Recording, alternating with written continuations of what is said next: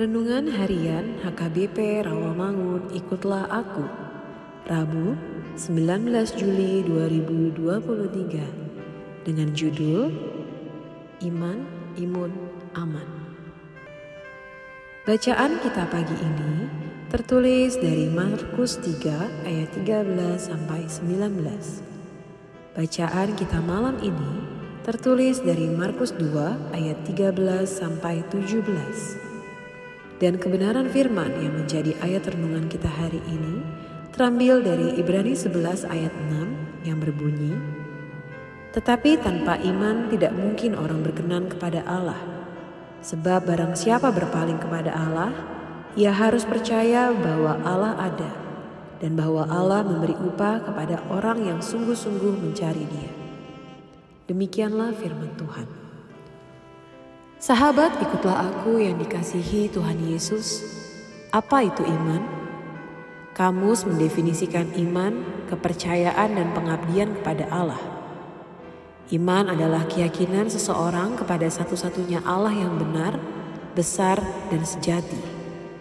Iman adalah suatu keyakinan sentral yang diajarkan oleh Yesus sendiri dalam kaitannya dengan Injil dan Perjanjian Allah.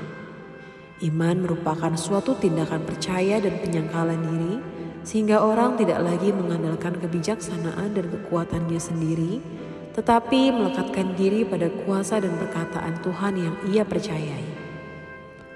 Iman, imun, aman adalah tiga kata penting yang populer. Ketiga kata itu disebut sebagai tiga kunci atau tiga jurus yang menjadi solusi.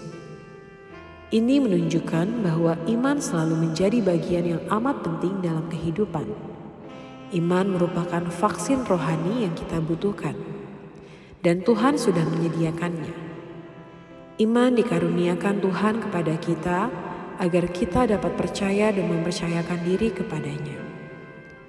Iman adalah perlengkapan atau senjata rohani yang dibutuhkan setiap orang percaya. Dalam segala keadaan, pergunakanlah perisai iman.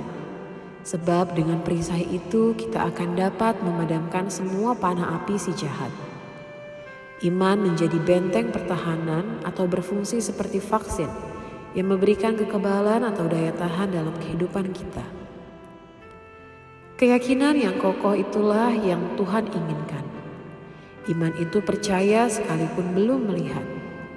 Ketika kita percaya bahwa kita sudah menerimanya, maka kita akan benar-benar menerima dalam iman kita. Tuhan punya seribu satu cara untuk menjawab apa yang kita minta.